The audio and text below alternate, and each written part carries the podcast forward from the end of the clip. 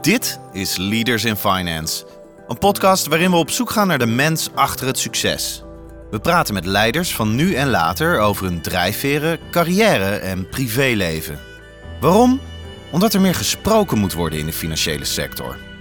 Onze gast deze week is CRO bij alle merken van de Volksbank. En welke waren dat ook alweer, Jeroen? De ASM-bank, de Regiobank, SNS-bank en uh, BLG Wonen. Bingo. Is risk management bij zo'n divers bedrijf geen onmogelijke opgave? Het zijn weliswaar verschillende merken, maar de achterkant van het bedrijf is hetzelfde. Daar zit het verschil in klantbenadering, maar niet in risicoperceptie. En hoe weet hij de functie Chief Risk Officer tweemaal zo leuk te maken? Ik heb geleerd dat in het Chinees uh, het woord risk heeft twee karakters. De een is gevaar, de ander is kans. Als ik me nou mag noemen de Chief Kansen Officer, dan wordt het leuk. Dan gaat het ook over ondernemerschap, over dingen mogelijk maken, over gecontroleerd aanpakken. Hoe gaat hij om met zijn voorbeeldfunctie? Laat het mijn rol zijn om via de tone at the top, de tune at the middle, de margin of the feet at the bottom, ook heel nabij te mogen zijn bij de collega's in de bank. En het mooiste compliment is, ja, weet je, als Jeroen het doet en kan, waarom doe ik het dan niet? Welke invloed heeft zijn afkomst op wie hij is? Zeg altijd uit de beemste klei getrokken betekent ook dat je met je beide poten in de modder staat. De wegen zijn maar twee uh, kanten op, vooruit, achteruit, links, rechts en je hebt altijd wind tegen. En nog tips voor starters? Er zijn al zoveel mensen die op elkaar gelijken. En de financiële sector in weerwil van haar ambitie om ook vanuit gedrag, omgangsvormen te willen veranderen, zit nog wel heel vast in het verleden. Je gaat je toch na verloop van tijd op de een of andere manier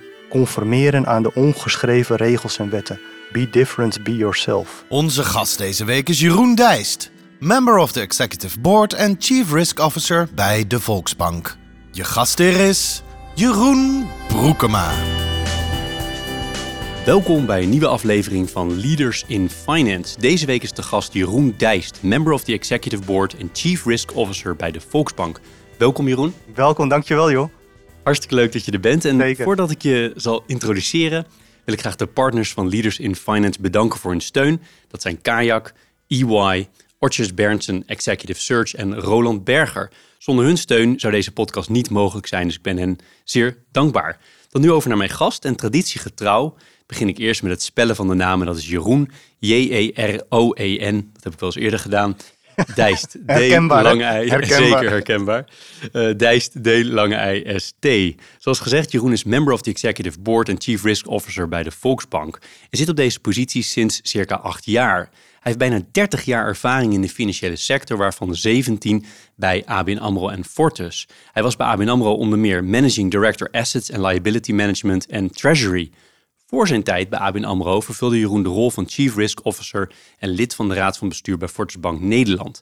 Zijn carrière begon hij als Economic Research Treasury slash ALM assistent bij VSB Bank. Jeroen studeerde econometrie aan de UvA en deed legio-opleidingen tijdens zijn werkzame leven, waaronder een postdoctorale studie aan de VU waarmee hij Registered Treasury treasurer werd. Jeroen is 52, is 18 jaar gelukkig getrouwd met Serpil en heeft twee puberende kinderen en woont in Purmerend. Dan hebben we een basis, Jeroen, en we gaan straks nog ook nog uitgebreid over jou hebben. Maar ik wil het eerst hebben over het vak wat jij uitoefent. Want laat ik dat eerst eens vragen. Alles rondom assetallocatie, risk management, Ja. compliance, treasury. Dat is toch een vak, of zie ik dat verkeerd? Oh, zeker. Zeker, Jeroen, is dat een vak. Ja, sterker nog, bankieren is een vak. Dus ik ben erg van het eh, vakmanschap en rentmeesterschap. En dat komt natuurlijk ook voor mij wel samen na een kwantitatieve opleiding. Je zei het net al, econometrie gestudeerd. Dus erg in de cijfertjes, de regressievergelijkingen en noem het allemaal maar op. En toen ik begon met werken, toen dacht ik serieus nog dat je de economische werkelijkheid in modellen kon vervatten. En daar ben ik nou eigenlijk nog steeds mee bezig. Om te proberen de e- economische realiteit, het gedrag van klanten, zoveel mogelijk ook in die cijfers bij elkaar te brengen. En daarmee dus het goede te doen voor de bank en haar klanten. Wat vind je er nou mooi aan? Probeer, kan je dat eens proberen te ontleden? Die, die cijfers en dat, dat hele ja, beta-achtige kant? Ja, het begint eigenlijk gewoon met een soort van beroepsdeformatie. Dat je eh, alles wat er is aan informatie, kijken naar, naar de huidige technologie met artificial intelligence. Er zit zoveel waarde in informatie die op het eerste, oog, eh, eerste gezicht helemaal niet bekend is. En ik vind het gewoon fascinerend om aan de hand van wat je ziet om je heen te gebeuren, dat te mogen vervatten in gedragsvergelijkingen, in modellen en dat toe te passen en vervolgens ook dus de juiste producten te ontwikkelen met de karakteristieken. Waar dus ook, zoals ik net zei, ook klanten hun baat bij hebben. Dus ook om die klant te helpen in het vergroten van financiële weerbaarheid bijvoorbeeld. En wat vind je dan zelf eh, persoonlijk als, zeg maar, om, niet als uh, raad van bestuurslid, maar als je echt iets doet, wat vind je dan zelf het mooiste? Is zijn dat treasury dingen of zijn dat dingen op de balans? Wat, vind je, wat ah. vind je leuk om in te duiken? Ja, eigenlijk vind ik het inderdaad als bestuurder van de bank een nog mooiere uitnodiging dat ik niet alleen met dat risk officer bezig mag of moet zijn, maar dat je echt met de hele vennootschap bezig bent. Dus van marketingcampagnes tot de toegankelijkheid van, van de winkels, tot en met de commerciële activiteiten, het IT-landschap. En met name dat je dus de volle breedte, hoe groot en hoe complex het ook is om een bank te organiseren en te sturen, dat vind ik echt een soort van slagroom op de taart naast hetgene waar ik in opgevoed en opgeleid ben. Helder. En je doet dat vanuit de Volksbank voor vier brands. Ik uh, ga ze even proberen uit mijn hoofd op te noemen. Nou, de ASN, ja. de ASN-bank, de Regiobank, SNS-bank en uh, eh, BLG Wonen. Bingo. Bingo, yes. Dat, dat, valt weer mee. Zonder naar mijn scherm te kijken, dat zag je. Dat kan je beamen. Um, maar maakt het dat ook nog ingewikkelder als, als baas, uiteindelijke baas van alle riskactiviteiten binnen de bank, dat je zoveel verschillende brands hebt met eigen culturen, met eigen mensen, eigen locaties vaak? Ja, ja en nee. Um, het, ja, het maakt het ingewikkelder omdat je natuurlijk meer gediversificeerd met verschillende merken, verschillende groepen van klanten aan het benaderen bent. Maar het voordeel daarvan is, is dat je beter aan de behoeften van de klant kan voldoen. Maar het voordeel is dat we het hebben georganiseerd van wat we noemen multi-brand single back office. Dus het zijn weliswaar verschillende merken, maar de achterkant van het bedrijf is hetzelfde. Dus voor mij als riskmanager, het voorbeeld nemend voor kredietrisico, de hypotheek die wij verstrekken via de regiobankadviseurs is exact hetzelfde als de hypotheek die wij verkopen via BLG Wonen. Daar zit het verschil in klantbenadering, maar niet in risicoperceptie. Dus aan de achterkant kan ik het heel makkelijk consolideren, optelbaar maken en ook weer uitbreiden, uitspreiden over de merken. Want het merk Volksbank, is dat eigenlijk sterk? Laden jullie dat, om het even in marketingtermen te zeggen? Ja, nou aanvankelijk niet. Ik weet nog heel goed dat in 2017 was het, dat volgens mij de naam de Volksbank kwam als opvolger van toen SNS, SNS Reaal. En toen zeiden we ook echt, nou daar, daar gaan we niets mee doen. Dat is gewoon een soort van overkoepelend merk, net als Unilever. Weet je, je hebt de Calvé pindakaas, je hebt de shampoos van Dove, maar Unilever zelf, dat is misschien een klein merkje. En sterker nog, ik kan me nog herinneren dat we toen nog wat uh, grensconflicten hadden met volksbanken in, in Oostenrijk en Duitsland, die natuurlijk een beetje bevreesd waren dat misschien die volksbank nu de grens over zou gaan. Dus daar hebben we afspraken over moeten maken. Maar in de loop van de tijd hebben we natuurlijk wel gezien dat de kracht van de merken versterkt kan worden door daar ook nog een keer een kwalitatief moederbedrijf en merk overheen te hangen. Om duidelijk te maken, ook aan de mensen in Nederland, dat bankieren bij ASN ben je een onderdeel van de familie van ook die andere merken. En vandaar dat we het wel meer hebben geladen, ook in communicatie. En denk bijvoorbeeld aan Eurowijslessen, dat doen we echt vanuit de Volksbank. Dus buiten dat de merken zich ergens op richten, heb je ook nog een overkoepelende kwaliteitskenmerk vanuit de Volksbank. Het is een mooi brugje naar een vraag die ik jou wilde stellen over die ASM-bank. Die zich natuurlijk heel, net als alle brands bij jullie, heel sterk profileren. Maar de ASM-bank dan op duurzaamheid, op groen. Zeker. Dat komt uiteindelijk gewoon geconsolideerd in die balans terug, toch? Ja, absoluut. dus ja. Hoeverre kun je dan nog wel die assets echt scheiden dat ze zo groen zijn? Of zijn al jullie assets even groen als die van de ASN? Ja, dat is een prachtige vraag Jeroen. En dat, dat valt mij ook op dat het nog helemaal niet zo goed bekend is. Je pakt ASN eruit, die focust zich op duurzaamheid, op klimaat, biodiversiteit, mensenrechten. Maar weet dat dat beleid van toepassing is op alle merken binnen de Volksbank. Ehm, dus ook een klant bij SNS kan niet, niet groen beleggen of onze financial markets, de dealing room, moet zich ook houden aan dezelfde strikte duurzaamheidscriteria als die voor ASN van toepassing zijn. En daar zie je een soort van kruisbevruchting dus ook tussen de merken. En hetzelfde geldt voor de prioriteiten die de andere merken hebben. Dat vind ik ook het mooie. Het is niet uniek gericht op één merk, maar het gaat over die hele balans en alle producten en diensten heen. Dus jullie zijn heel groen? Ja, uh, dat kan ik gewoon eigenlijk vol, volmondig beamen. Zelfs als risk Ik moet er altijd een beetje voorzichtig zijn, want oh jee, als je maar niet iets belooft wat je misschien niet kan waarmaken. En het woord greenwashing komt alweer voorbij. Dus iedereen begint alweer wat bang te worden voor wat hij zegt. Maar ik durf volmondig te zeggen, ook aan de hand van de analyses van wat anderen zeggen, klanten, eerlijke bankwijzer, toezichthouders, dat wij echt wel in de kop, top zitten, in de koploperspositie zitten als het gaat over de groenheid, de duurzaamheid van onze bankaire dienstverlening. Jullie kiezen heel duidelijk voor een, wat ik noem, maar dan moet je mij maar tegenspreken als je het er niet mee eens bent, maar een principiële benadering. Hè? Dus heel groen, uh, bij, de, bij de regiobank heel erg lokaal. Je kan nog een binnenlopen. Een heel duidelijke publieke, soort van publieke insteek, bijna een soort van nutsbank. Ja. Zie je dat ook zo? Dat zie ik absoluut zo, Jeroen. En ik, als je het woord nutsbank laat vallen, dan moet ik natuurlijk zeggen, dat is ook de N in SNS, samenwerkende Nederlandse nutspaarbanken. Dus dat komt ook heel mooi bij elkaar. En ja, uh, die publieke functie mag ook niet veronachtzaamd worden. Wat mij betreft is ook retailbankieren een stukje gas, water en licht van de Nederlandse financiële sector. En dat heeft dus ook een hele belangrijke rol om ook midden in die maatschappij te staan en daar dus ook je dienstverlening op te richten. En daarin, zoals je aangeeft, maken wij wel overwogen, maar ook hele principiële besluiten. En dat betekent of over het insluiten in toegankelijkheid, het openhouden van onze kantoren met Regiobank, met SNS, omdat we en digitale dienstverlening heel belangrijk vinden, maar ook de mogelijkheid dat mensen bij een winkel binnenkomen en gewoon het gezicht zien van de persoon die gaat over het beheren van zijn of haar geld. En dat betekent ook dat we principiële keuzes maken op duurzaamheid. Dus als we iets uitsluiten, dan sluiten we het ook gemotiveerd, maar echt voor alles uit en niet een beetje in between. Vaak hoor je principes zijn pas principes als ze geld kosten. Ah. daar kun je het mee eens of oneens zijn, maar er zit natuurlijk wel iets van, uh, in ieder geval iets van waarheid in. Is dat bij jullie ook zo dat jullie soms keuzes maken die gewoon direct negatief impact, eh, impact hebben op de PNL, maar voor jullie zo belangrijk zijn dat je ze toch doorvoert? Ja, zeker Jeroen, zeker Jeroen. Wij eh, willen graag bankieren volgens gedeelde waarden.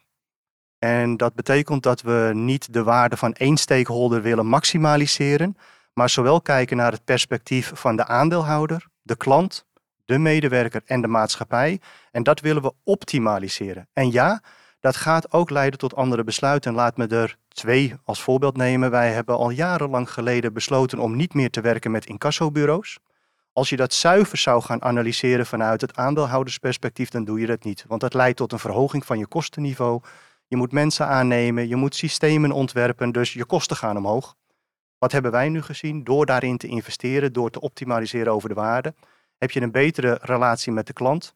Kun je ook vaker meer informatie krijgen. Kun je een klant ook begeleiden in goede en slechte tijden. En blijkt het uiteindelijk, zelfs in de PL, in de winst, meer geld op te leveren. Dus dat is een voorbeeld waarin we dan die keuze maken. Een andere, en ik denk dat je daar ook het woord, woord uh, kost het geld. Uh, is een mooi voorbeeld wat ik een paar weken geleden ook buiten de bank met iemand besprak. Die zei tegen mij, oh Jeroen, dat, uh, die klimaattransitie en het financieren van duurzame leningen, dat kost toch een hoop geld zeg. De, die halen nooit de return on equity threshold en dan moet je geld op toeleggen. Uh, hoe doen jullie dat? En toen zei ik, nou, wij hebben het opgelost. We gaan volgende week investeren in een pijpleiding dwars door Alaska. En toen werd het natuurlijk stil van, gaan jullie het serieus doen? Ik zeg, nee, natuurlijk gaan we dat niet doen. Maar daarmee kan ik wel genoeg geld, financieel geld verdienen om aan die hurdle te voldoen voor die stakeholder aandeelhouder. Ik zeg, maar heb jij ook wel eens uitgerekend wat het de maatschappij kost als je niet investeert in duurzame financiering? En dat is eigenlijk ook een, niet alleen een professioneel, maar een persoonlijk pleidooi wat ik ook altijd heb. Kijk verder dan alleen de financiële waarde die je terugvindt op de eigen balans en PNL, maar neem ook de sociale waarde mee die je daarmee creëert of zelfs vernietigt. Hartstikke moeilijk natuurlijk, maar ik merk dat het mij drijft, juist vanuit die econometrische achtergrond over data. Hoe kunnen we de niet meetbare en weetbare sociale impact ook meenemen in onze rendementsberekeningen? In het hele debat van uh, uitsluiten van partijen. Je ziet nu een, eh, een, een, collega Groene Bank van ASM Bank die heel groot in de, in de dagbladen adverteert met wij zitten nergens in fossiel met, ons, met het spaargeld wat je bij ons stelt. Zijn jullie ook van het uitsluiten of zijn jullie meer van het uh, dat we doen bepaalde dingen gewoon niet? Of zijn jullie meer van engagement en proberen jullie bedrijven de goede kant op te bewegen als het gaat om duurzaamheid? Uh, de balans, de balans. Maar het begint bij ons bij heel helder communiceren in en na de buitenorganisatie wat we wel en niet doen. Dus ook bij ons fossiele brandstoffen investeringen daarin trend nul. Nul en nog eens nul. We willen absoluut in gesprek zijn en blijven met de bedrijven die hier de goede intenties tonen om hen te helpen te accelereren naar de verduurzaming. Maar als mensen daar, wij hebben bijvoorbeeld gezegd, nou weet je, een aantal grote oliebedrijven, daar stoppen we mee met het gesprek, want dat is wel een leuk gesprek, maar het kost een hoop tijd, maar het levert gewoon niets op. Dus we kiezen duidelijk voor uitsluiting en insluiting. En daar waar bedrijven de stap willen zetten, zijn we ook bereid om als onderdeel van die opiniemaker, die aanjager, het gesprek met hen aan te gaan. Hoe dan wel? En ik denk dat een mooi voorbeeld recent in de alle pers is natuurlijk alles over Extension Rebellion. Nee, ik zat niet op de A12, ik werd niet nat gespoten. Maar als dan mij, als Jeroen had gelegen, dan had ik daar ook gewoon elke dag willen zijn. Ik kan dat natuurlijk niet maken vanuit mijn rol enzovoort. Daar zit allerlei reputatie. Maar wel begrip voor medewerkers van jou die dat wel deden? Maar ik heb begrip voor alle mensen. En dus ook als zij werkzaam zijn bij de Volksbank. Dat zij ter discussie willen stellen dat wij zoveel miljarden euro aan fossiele brandstofsubsidie ter beschikking stellen.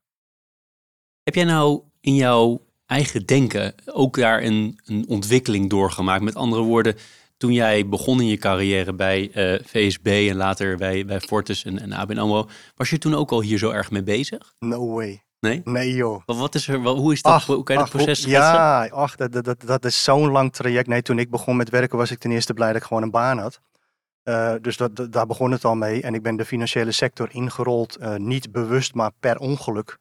Uh, dat is ook gewoon een, een, levensontwikkeling die je opmaakt. Hè? Je, je, wordt, je bent klein, je groeit op, je hebt bepaalde ambities. En op een gegeven moment krijg je toch ook een beetje de learning, earning en returning variant. En ik heb daar absoluut ook meegemaakt dat in de financiële sector ik veelvuldig aan de hele hot finance, professionele zakelijke kant mijn werk heb mogen doen. De hele wereld over mogen vliegen om miljoenen, miljarden aan geld op te halen. Roadshows, noem het allemaal maar op. Maar ik heb ook meegemaakt wat de, uh, de schaduwkant daarvan is. In onder andere de, de grote financiële crisis in 2008, waar ik niet alleen heb gezien wat er is gebeurd, maar ik stond er middenin met Fortis op dat moment. En het doet nogal wat op het moment dat je dan ook ziet dat jouw manier van bankieren, ingegeven voor die tijd, ertoe leidt dat er mensen bij de kantoren staan die in paniek hun geld willen opnemen. En dat heeft zo'n onuitwisbare indruk op mij gemaakt dat ik wel eens heb gezegd, die periode heeft mijn bankierschap als het ware letterlijk gereset. Mijn hele harde schijf uh, weer opnieuw leeggemaakt. En vanaf dat moment ook weer eens gekeken van, wat is nou het verschil tussen bankieren goed doen en goed bankieren? En daar komt inderdaad ook wel weer mijn, eigenlijk mijn passie en ook weer mijn achtergrond en opvoeding vandaan van, oké, wacht even, waar, wat draag jij niet alleen bij voor jezelf, voor de vennootschap waar je werkt, maar ook voor het grotere geheel? Heel veel dingen die je noemt waar ik straks zijpaadje op wil bewandelen. Ik kom zeker terug op het verhaal uh, rondom Fortis en de crisis en de overname toen. Mhm. Eh, maar eerst even nog over die, terug naar die initiële vraag rondom je eigen ontwikkeling. Dus een heel cruciaal moment is gewoon die, die wat jij noemt die reset geweest rondom die, uh, die, die Fortis tijd in de crisis. Maar zat er onderliggend bij jou al wel een soort van, was er al een zaadje wat nog moest ontkiemen? Of zeg je nee, het echt externaliteiten, het zijn externe dingen geweest die mij in die ontwikkeling gedrukt hebben? Ja, het begint eigenlijk bij je opvoeding. Uh, hoe ben je grootgebracht? Uh, wat waren daar de belangrijke normen en waarden die je hebt meegekregen? Um, ik kom uit permanente omgeving van de Beemster. Dus ik zeg altijd uit de Beemster klei getrokken. Betekent ook dat, uh, dat je met je beide, sorry voor het woord, poten op in de, in, in, in de, in de modder staat. De, de wegen zijn maar twee kanten op. Vooruit, achteruit, links, rechts. En je hebt altijd wind tegen. ja, en, en, en, en, en, en ik weet uit wat voor gezin ik kom. Wij hadden het vroeger ook niet breed. Um, mijn, mijn ouders zeiden ook altijd, de maand duurt altijd net even wat langer dan de diepte van de portemonnee. En zij hebben ook alles bij elkaar moeten halen en harken om mij en mijn zusje zo weer een volgende stap te kunnen laten maken in hun leven. En dan zie je gedurende de jaren dat je daarmee bezig bent, kun je soms ook dat pad wel even verliezen. Daar ben ik heel eerlijk in. Maar tegelijkertijd ook op het moment dat je daar weer, weer op terug kan komen en daar een bijdrage aan kan leveren. Wat natuurlijk de laatste jaren alleen maar verhevigd is met alles rondom klimaat, rondom de samenleving, rondom alles wat te maken heeft met de impact die financiële dienstverlening maakt. Zie ik hier gewoon bijna een roeping ook om niet alleen een hele goede bankier te zijn, maar ook gewoon midden in die maatschappij te mogen staan. Dus eigenlijk onderliggend, als ik het even in mijn eigen woorden samenvat, het deel van gelijkheid en dat niet iedereen evenveel geld heeft. En dat je ook, nou, volgens mij heb je geen armoede gekend. Maar in de voorbereiding las ik ook inderdaad dat het niet, het geld niet uh, We hadden het niet breed. Nee, precies. Het was niet... Uh, Dus dat zat altijd wel in. En dat, in die duurzame kant zat er niet per se in. Maar die is echt doorgekomen door hoe de samenleving veranderd is en hoe de, nou ja, hoe de problemen zich opstapelen. Ja, inclusief de rol die de financiële sector heeft om die transitie ook mogelijk te maken. Dus wij kunnen het maken of breken. En ik denk dat die transitie een beetje de machinekamer van de economie zo zie ik toch de banken, dat je daarin eh, ook ziet welke grote verantwoordelijkheid waar wij daarin toegedicht krijgen, als ook moeten nemen. Ja, want wat kan je dan... Nou ja, was niet van plan, maar vind ik Ja. toch wel heel interessant. Je weet, duurzaamheid vind ik een heel belangrijk onderwerp. Dus dan trigger je me toch even. Je zegt maken of breken. Wat, wat is maken en wat is breken? Ehm, breken is wat mij betreft eh, doorgaan met bankieren op basis van de informatie van gisteren en vorige week. Ehm, en dat zit ook in mijn vakgebied ehm, opgeborgen. In de modellen. In de modellen, in de manier van beleid. Ehm, alles is gebaseerd op de historische gegevens. En dat is leidend, ik zou bijna zeggen met een lange ei in plaats van een korte ei, voor de toekomst. En je zult dus ook een soort van creative destruction moeten doen. eh, dingen opnieuw bedenken om creativiteit te bewerkstelligen. Waarom nieuwe financiering die bijdraagt aan de klimaattransitie nu niet tot stand komt, maar wel degelijk ook waarde toevoegt. En dat vind ik ook zo het mooie van de Volksbank en haar merken. Dan zijn we bereid om ook het niet meetbare meetbaar te krijgen met bijvoorbeeld het platform voor carbon accounting, voor biodiversity accounting. Dat we dan ook de eerste bank in Nederland, ik misschien zelfs wel de wereld zijn met een biodiversiteitsfonds, dat we meten wat elke euro aan biodiversiteit nou oplevert. Om op die manier te laten zien, daar zit dus ook waarde in. En die moet je ook gaan ontginnen. Is die financiële sector, als je er naar kijkt, eh, niet vanuit de Volksbank, maar veel breder, laten we zeggen naar Nederland, naar Europa of naar de wereld, een van de drie of alle drie, zitten we nu op de maak- of de breekkant? We zitten, eh, denk ik, een beetje richting het tipping point. Alle intenties kloppen. Alle woorden kloppen. Alle uitingen kloppen. Dan heb je het over Nederland, de wereld? Nederland, Ja. Nederland. Ja, ik beperk me dan tot Nederland. Ook waar ik nu als de Volksbank ook mijn impact op mag maken. Als een klein- soort van circle of, of, of influence. Ehm, het wordt nu tijd. eh, ja, ik ben geen Feyenoord aanhanger, bedenk ik me. Maar iets met woorden en daden, ja. Ja, eh, weet je, Ik wist niet dat Purmerend dicht bij Rotterdam lag. Ik dacht toch Nee, dichter bij Amsterdam. Dat dacht maar, ik eh, ook, ja, ja. Dus ik moet dit, dit knippen we er later wel uit.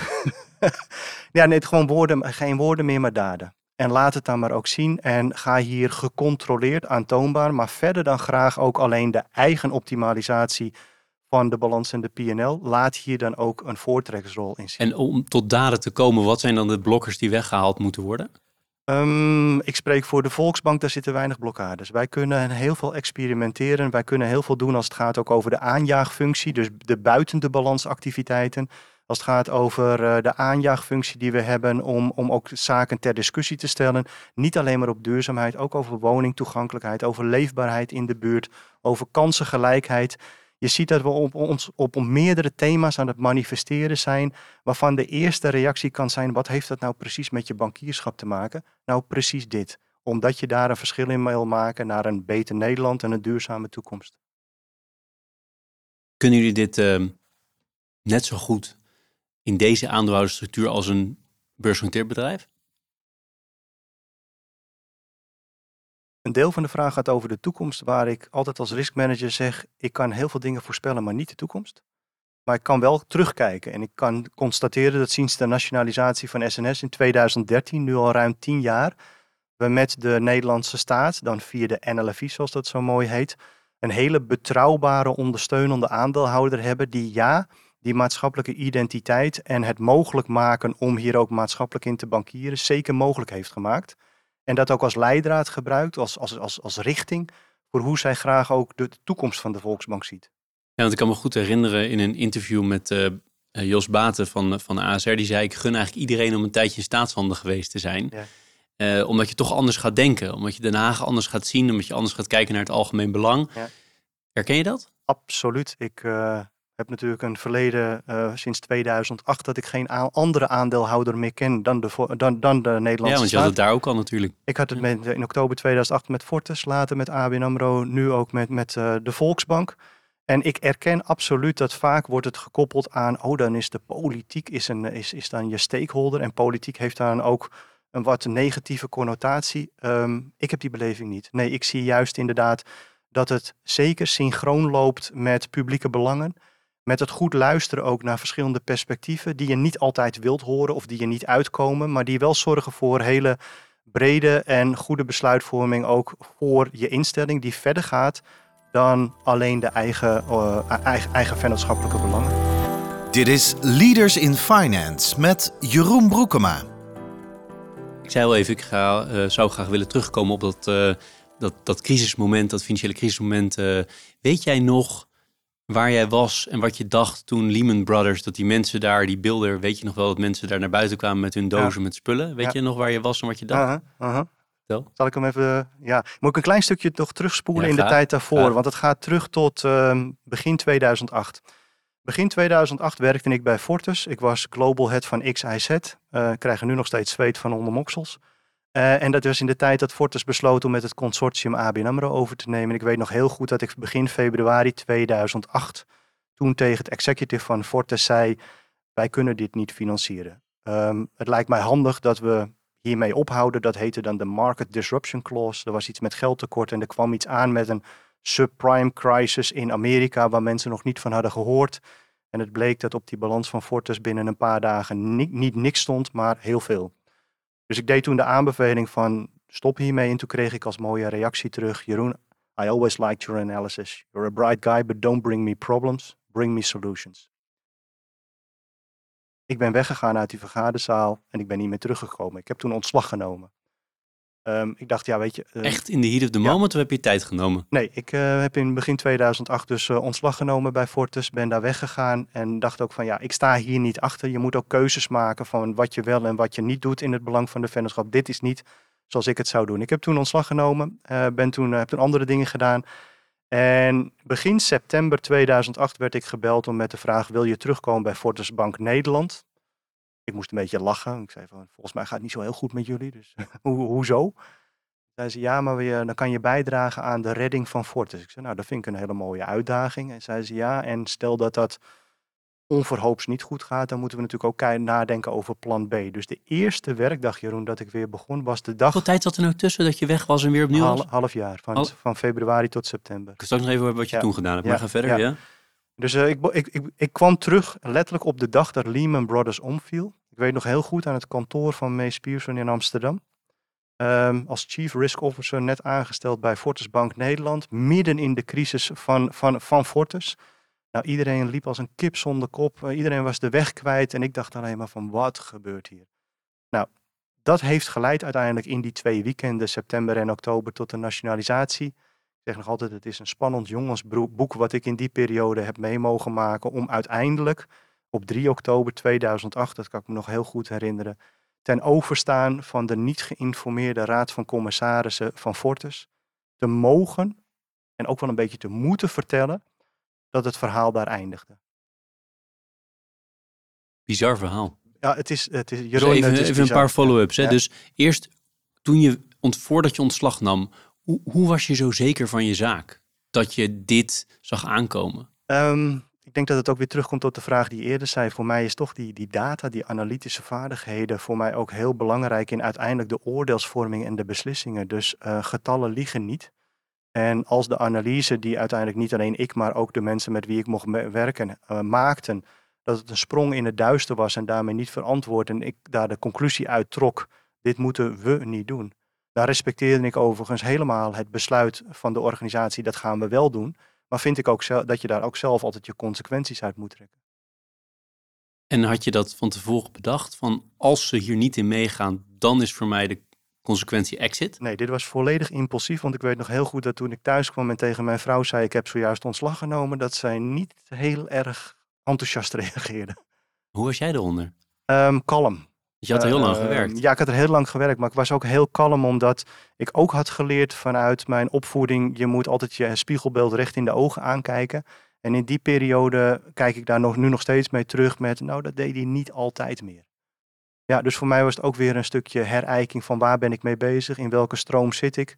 En daar dan vervolgens ook een, eh, een consequentie aan verbinden. Was je trots op toen? Nee, ik was heel verdrietig.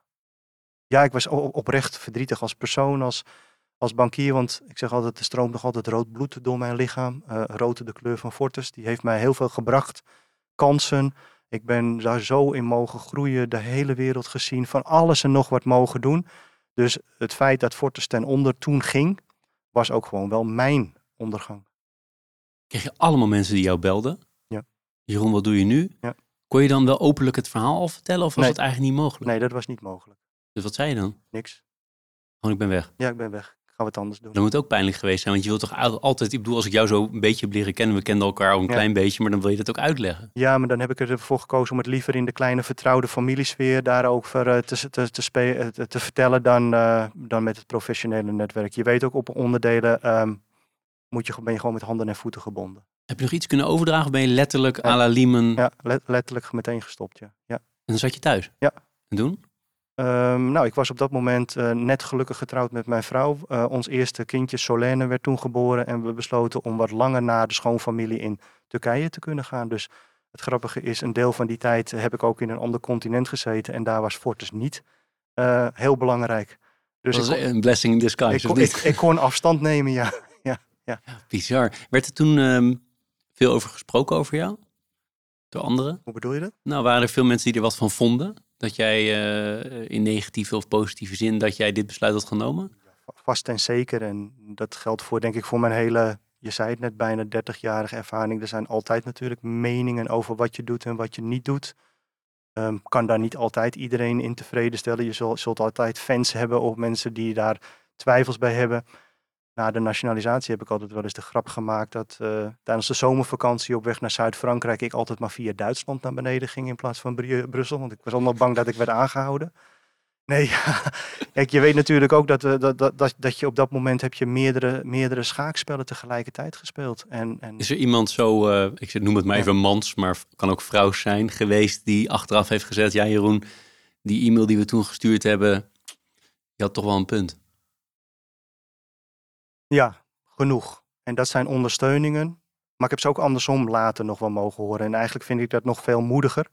Dat ik van mensen heb gehad, eh, teruggekregen. Jeroen, eh, op dat moment, wat jij toen zei, hoe jij toen daar stond, was totaal niet met hoe ik mij voelde.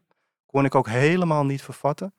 En er is aardig wat eh, vervloekt, absoluut. Ja. Ja. En dan lijkt me een bizar moment dat je dan na een half jaar weer gebeld wordt. Ik weet niet, Ja. werd je gebeld door de CEO toen? Wie was dat toen? Maar we houden door iemand. Door iemand werd je gebeld van wil je weer terugkomen. Maar dan ja. was het moeilijk om lang om daarover na te denken. Je ging het even snel overheen. Je, zei, oh, je praatte even snel van, nou ja, ik vond het wel een interessante opdracht. Maar was het lastig toch, lijkt mij, om dan weer ja op te zeggen? Ja, dat was het ook. Vandaar dat ik ook in het begin zei dat ik een beetje moest lachen. Van eh, hoe bedoel je terugkomend op een zinkend schip? Ehm, weet je, wat is hier het nut van? Maar het was in die zin eh, toch ook weer hier op de, op, de, op de strategische kwaliteiten. Jeroen, je kan hier een verschil gaan maken. Door of aan de ene kant keihard te werken aan de redding van het hele concern.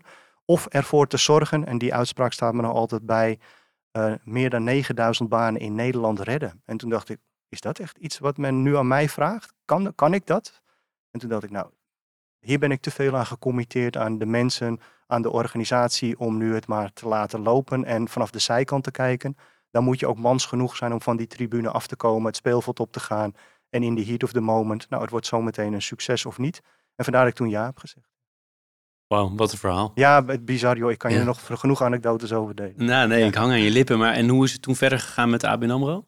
Ja, na, na de nationalisatie natuurlijk was, eh, ten eerste was dit ook een fantastisch moment. Je kunt daadwerkelijk in één weekend een volledige nieuwe bank bouwen. Dat kan dus echt. Je, je, je kan op, op vrijdag nog denken dat je in dienst bent eh, in Brussel en, en, en op maandag in dienst zijn in Nederland. Dat kan.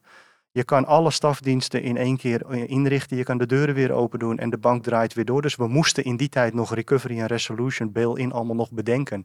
Maar dat werd wel gedaan. Ik, die energie die ik uit die periode heb gehaald, neem ik nog steeds mee. Het kan wel degelijk, alle neuzen dezelfde kant op. En dat heeft uiteindelijk geleid tot, ik noem het altijd als een soort van als een phoenix uit de as herrezen. Nog steeds met de besmette naam Fortis ook in Nederland. Ik weet nog goed dat we toen ook aan het Prins Bernhardplein zaten. Toch weer een bank neergezet in drie, vier jaar. Die 400 miljard balans totaal, een miljard winst maakte, alle dienstverlening had. En zich op dat moment ook kon opmaken tot wat uiteindelijk door de NLFI, de aandeelhouder, ook werd besloten van we brengen de gedeeltes van ABN AMRO en Fortis samen. En daar ben ik in meegegaan en heb toen weer de switch gemaakt van risk weer terug naar finance. Om daar eh, te werken aan wat toen heette de bank anno nu. Hoe anders was die cultuur eh, Fortis versus ABN AMRO? Ik heb zelf voor ABN AMRO gewerkt. Ik Ja, weet dat dat, destijds We- allemaal... eh, er gingen allemaal gesprekken over dat die culturen heel anders Ja. waren. Heb jij dat ook zo ervaren? Je hebt me wel eens verteld dat wij elkaar ook nog wel zijn tegengekomen. Ja, ja. ja. Ja, Is- Was die cultuur anders? Ik vind het altijd de vraag over cultuur ingewikkeld. Want ook bij Fortis en Mees Pierson had je zoveel verschillende afdelingen en activiteiten waar overal de cultuur verschillend was. En het was juist die diversiteit die zo fantastisch was. Dus ik noem maar wat, bij, bij Prime Fund Solutions of bij de Clearingbank was, was de cultuur ook heel anders dan bij de voormalig VSB Retailbank. En dat zat ook allemaal in één concern. Mijn overgang van Fortis naar ABN AMRO eh, heb ik altijd geformuleerd met ik, ik, ik ga van shirt wisselen, maar mijn bloed blijft hetzelfde. En dat breng je natuurlijk ook mee en dat leidt weer tot een verrijking in de nieuwe cultuur. En daar heb ik ook zeker mijn bijdrage in de, in de ABN AMRO kunnen, kunnen, bijdragen, eh, kunnen, kunnen helpen. Ik heb fantastisch mooi mogen samenwerken. Maar uiteindelijk moet je ook concluderen dat het soms ook wel heeft geschuurd. En dat de wijze waarop ik graag wil bankieren of hoe ik me opstel, dat het lang niet altijd was zoals vanuit ABN AMRO. En daar moet ik toch altijd wel het voorbeeld weer van die beruchte stropdas dan weer even inbrengen. Ja, ik zeg altijd van, uh, ik, ik, ik, draag, ik, ik heb niet, niet zoveel met, met stropdassen. Het staat mensen fantastisch, maar mij wat meer, minder. Maar ik moest bij, zeg maar, bij ABN AMRO elke dag zes keer uitleggen waarom ik geen stropdas droeg. Dat kan je nu niet meer voorstellen. Dat je kijkt hoe het verandert. Dat kun je je nu, Jeroen, bijna niet meer voorstellen. En nogmaals, weet je, een fantastisch pak, het staat fantastisch. En als de patiënt verwacht dat de dokter een witte jas aandoet, dan moet je dat ook zeker doen. Maar ik denk inderdaad dat de vorm, die destijds nog ook overheersend kon zijn, inmiddels wel is ingehaald door de, de, de kennis en de inhoud. Hoe kijk jij, uh, hoe kijk jij terug op die hele periode in Nederland, misschien nog een stuk verder terug, van banken die, nou ja, met name ABN AMRO, die echt een wereldspeler was. Ja. Heel erg groot was en nu heel erg klein is vergeleken met wat ze, wat ze voorheen was. En naar die hele periode waarin mensen zeiden, ja, we hadden, we hadden ING en ABN moeten samenvoegen. We hadden ABN moeten laten samengaan met Barclays. Heb je daar een, een visie op? Nee, ik heb daar geen visie op, anders als een constatering dat ehm, de banken die we toen hadden, wereldwijd conglomeraten, ook wel degelijk heel veel hebben bijgedragen aan de kenniseconomie die we weer hadden. Aan de open economie die we hadden. Over het aanwezig zijn in alle landen, de handelstromen. Dat vind ik wel een gemis dat de financiële sector van Nederland zich zodanig heeft moeten herpositioneren tot een andere proportie. Dat uh, de aanwezigheid en daarmee ook hoe wij zijn als Nederlanders, namelijk heel open en toegankelijkheid en met iedereen contact maken, dat dat in ieder geval vanuit de grootbanken steeds minder het geval is geworden. Tegelijkertijd vind ik dit wel interessant, hè? want aan de ene kant zeg je dat, hè? een grote bank heeft ook veel bijgedragen aan Nederland en aan de, de handel en daarmee ook de gedachten internationaal. Tegelijkertijd vind je dat kleine van de Volksbank dus ook weer heel mooi. En de oh. focus op, op gewoon op mensen en niet op de enorme aantallen. Is dat een soort eeuwige strijd dan bij jou ja, intern? Ja, je, hoe zeggen ze dat weer? Big is beautiful. Hè? Dus, en aan de andere kant klopt daar natuurlijk ook helemaal niets van. Nie, er klopt helemaal niets van. Ik weet nog heel goed dat ik bij eh, de Volksbank begon te werken. En, en dan kijk je ook natuurlijk naar het cijfermateriaal en het jaarverslag. En dat ik tegen mijn vrouw zo zei, ze zijn drie nullen vergeten. Dat is gewoon even weer wennen van, hé, hey, het gaat over hele andere bedragen. Maar wat ik nu meer impactvol in, vind in mijn werk is niet dat ik naar een hele grote Amerikaanse investmentbank ga en dat ik daar honderden miljoenen aan funding ophaal. Dat kan ik wel. Maar ik vind het nog meer impactvol als ik met een collega van financiële zorg, zo noemen wij de afdeling bijzonder beheer, mee mag gaan en kan zien wat die mevrouw aan geld tekort komt, vaak een paar tientjes per maand, en dat je daar het verschil in kan maken. Dat, dat is voor mij veel meer betekenisvol geworden dan wat ik hiervoor deed. Dus de kleinschalige impact, noem het maar in het hier en nu, uh, is voor mij iets waar ik mij, uh, mij, mij meer, veel meer mee heb verbonden. En kan de kleinschaligheid ook heel erg groot worden? Met andere woorden, zou een ASN-bank ook gewoon de grootste bank van Nederland kunnen zijn op retailgebied? Dat kan zeker. En ik denk dat ik het eigenlijk anders formuleer. Als uiteindelijk de aanwezigheid van ASN-bank en ook de andere collega uh, duurzame banken niet meer nodig is, omdat iedereen dat doet, dan zijn wij ook geslaagd in de missie. Maar waarom is ASN, en, en je noemt die andere bank bijvoorbeeld, hè, maar uh, waarom zijn ze niet veel groter? Kijk, ASN, ja. natuurlijk, het is een succesverhaal, maar waarom zijn die, die clubs niet veel groter? Wat zou jij ons adviseren om nog ik groter weet het te worden? Niet. Nee, ik weet het niet. Ik, het blijkbaar is het toch ontzettend sticky. Dat klanten Och, niet, ja. stappen niet over. Ja. Um, hoe werkte het bij jou, Jeroen, vroeger? Um, mijn eerste bankrekening was bij de Rabobank. Dat was niet omdat ik thuis met mijn ouders een hele constructieve discussie daarover had gehad, maar waarschijnlijk omdat zij ook al een rekening hadden bij de Rabobank. En in oktober had je dan de spaarweken. En dan als je dan, wat was het, 14, 16 was, dan openden je ouders voor jou een rekening daar. En daar zat je dus de rest van je leven aan vast. Nou, je ziet het nog steeds. In weerwil van de mening van de klanten om graag met hun voeten of om met hun geld te willen stemmen over hoe zij zien dat bank, bankaire dienstverlening moet worden ingericht, is het razend ingewikkeld in het hoofd. Maar hebben we het ook ingewikkeld gemaakt? Heb ik al gezegd dat wij een voorstander zijn van nummerportabiliteit, ook voor rekeningnummers. Uh, om de overstap natuurlijk veel makkelijker te maken. Daar waar klanten bijna maandelijks wel van telefoonabonnement wisselen, van energierekening, maken wij het ook minder makkelijk mogelijk om dat ook voor bankaire diensten te doen. Maar is dat het probleem van de, de moet de politiek het oplossen of de banken? Nou, ten eerste moeten, kunnen wij alleen maar redeneren vanuit sterkte van de merken. Ehm, we staan uh, al twee jaar achtereen volgens op nummer 1, 2 en 3 als meest klantvriendelijke bank. Kijk naar de eerlijke bankwijzer. Kijk naar wat andere stakeholders zeggen over de dienstverlening en de kwaliteit, de klantvriendelijkheid van onze merken. Daar moet het uitspreken. Wat we nog meer zouden kunnen doen, is natuurlijk daar lawaai over maken. En inderdaad, als het helpt, dat het ook voor klanten makkelijker wordt om te kiezen waar zij hun financiële dienstverlening in onderbrengen, zou dat ook natuurlijk zeker de Volksbank en haar merken gaan helpen.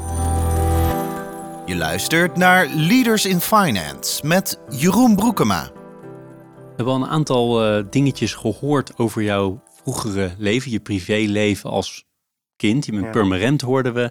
We hoorden dat jullie het niet ontzettend breed hadden, maar kan je nog eens wat verder, als je wil, uh, toelichten hoe je bent, uh, bent opgegroeid? Ja, ik, ik, je, je, kijkt daar altijd nu naar op terug en dan ben je ten eerste super trots ook op, op waar je vandaan komt. En nog altijd dat mijn ouders uh, nog altijd in goede gezondheid leven. Daar ben ik ook heel dankbaar voor. Um, ja, geboren en getogen in Purmerend. Uh, mijn vader en, komt uit Amsterdam, mijn moeder uit Amstelveen. Hadden het thuis ook niet al te breed. mijn vader met als anekdote dat hij één broek had en een korte broek en dan moest hij het vier seizoenen mee doen. Mijn moeder die uh, als jongste kind altijd nieuwe kleren had, maar dat waren wel de vermaakte kleren van de drie oudere broers en zussen. Kochten een huis ergens in 1970 voor 15.000 gulden in Purmerend. Totaal onverantwoord. De bank overigens was niet bereid om dat te financieren. Dus moesten ze daar ook een handje op houden. En ik ben dus als het ware uit een arbeidersgezin opgegroeid in wat tegenwoordig heet een achterstandswijk. Ik had dat toen niet in de gaten. Ik vond dat gewoon hartstikke leuk en gezellig. Mijn vader was politieagent. Mijn moeder zat spreekwoordelijk thuis als huisvrouw met het kopje thee en koffie, of met het koekje. En in de avonduren maakte, brachten zij nog uh, uh, allerlei reclamefolders rond en maakte zij schooltjes schoon. En op die manier uh, runde zij het huishouden met als fantastische anekdote die ik nooit meer uit mijn hoofd krijg. Wij hebben jarenlang in een Mini 850 gereden. Ik weet niet of je die nog kent, maar zoek hem op op Google. Dat is de meest kleine auto die je kunt bedenken. Ook nog een keer in een fel oranje kleur. En elk jaar gingen we naar Valkenswaard op vakantie. Tegenwoordig heet dat, dacht ik, de campervenne. Toen, toen heette dat Eurostrand. En dan gingen wij met uh, door mijn vader zelfgebouwde aanhangwagentje met volgeladen met de fietsen op vakantie op de camping al daar. En natuurlijk wel met twee tussenstops bij Utrecht en Breda. nou, dat is natuurlijk nog fantastisch om, om dat zo naar boven te halen. Op die manier heb ik geleerd ook hoe het is om met weinig middelen echt rond te komen. Maar tegelijkertijd ook gewoon heel gelukkig vanuit een warm gezin op te mogen groeien. Mooi hoe je het verwoordt. Ben je altijd er trots op geweest? Of is dat later pas gekomen? Of toen je begon met werken was je eigenlijk helemaal niet zo trots op deze achtergrond? Nee, ik ben, ik ben denk ik wel heel erg altijd bewust geweest van waar ik vandaan kom. Ook omdat je vaak ook in het gezin en de familie bij veel dingen steeds het eerste was. Ik was de eerste die naar het VWO Atheneum ging. Ik was de eerste in het gezin en familie die ging Je bent broers en zussen? Ik heb één zusje. Eén zusje? Ja, ja, En het was ook helemaal niet gebruikelijk, ook in de familie, om te gaan studeren aan de universiteit. Het was ook helemaal niet gebruikelijk om je hele studie af te maken en uiteindelijk in de financiële sector terecht te komen. Dus in die zin ehm, was ik steeds daarin de eerste, maar al, altijd vanuit een volle bewustzijn. Uh, mijn roots liggen daar, dat is mijn afkomst. En nou ja, de beste feedback krijg je natuurlijk ook van je ouders en uh, omgeving over waar je vandaan komt en wat zij ook belangrijk vinden. Dus het doe maar normaal zit wel uh, goed ingestand. Ja. Ik heb zelf heel lang geleden een half jaar bij de politie stage gelopen, dus ah. ik ken die, die rangen van de politie. Welke rang zat je vader? Um, nou, Weet je dat ik, nog? Ik hoop niet dat ik hem nu... of brigadier? Nee, nee, in de loop van de 40 jaar dat hij in Amsterdam heeft gewerkt, aan bureau Warmoestraat. Oh. Um, heeft hij zich uh, fantastisch mooi opgewerkt tot uiteindelijk de adjudant enzovoorts. En hij heeft uiteindelijk, en dat vond ik wel heel mooi aan het einde ook van zijn carrière, nog aan de wieg gestaan van het Haltbureau in Amsterdam. Dus daar waar uh, jeugdige delinquenten nog enigszins weer op het spoor gebracht moesten worden, mochten dan bij bureau Halt langs gaan. Dus die heeft daar 40 jaar gewerkt. En daar heb ik ook heel veel ervaring zelf op mogen doen, omdat ik vaak in vakanties, in schoolvakanties, mocht meelopen op de administratieafdeling. Ik kan je vertellen, als je jochie bent van 14, 15 en je loopt daar over de zeedijk om 7 uur s ochtends en je wordt door de politieagenten tijdens de lunchpauzes meegenomen, dan kijk je je ogen uit. Ja. Bizar. Dus jij mocht dat dat het nog kon toen. Ja. Maar En nam jouw vader, dus die maakte ongelooflijk veel mee. Want zeker de Warmoestraat is natuurlijk, daar gebeurde van alles. Maar nam hij dat mee naar huis of vertelde hij nooit wat over?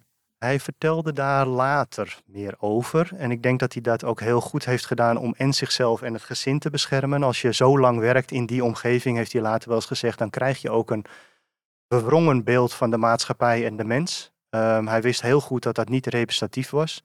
En heeft natuurlijk ook in al die jaren met de krakersrellen, met, uh, met, met, met de kroning, uh, met, uh, met, met alle drugsverslaafden genoeg meegemaakt, ook zelf.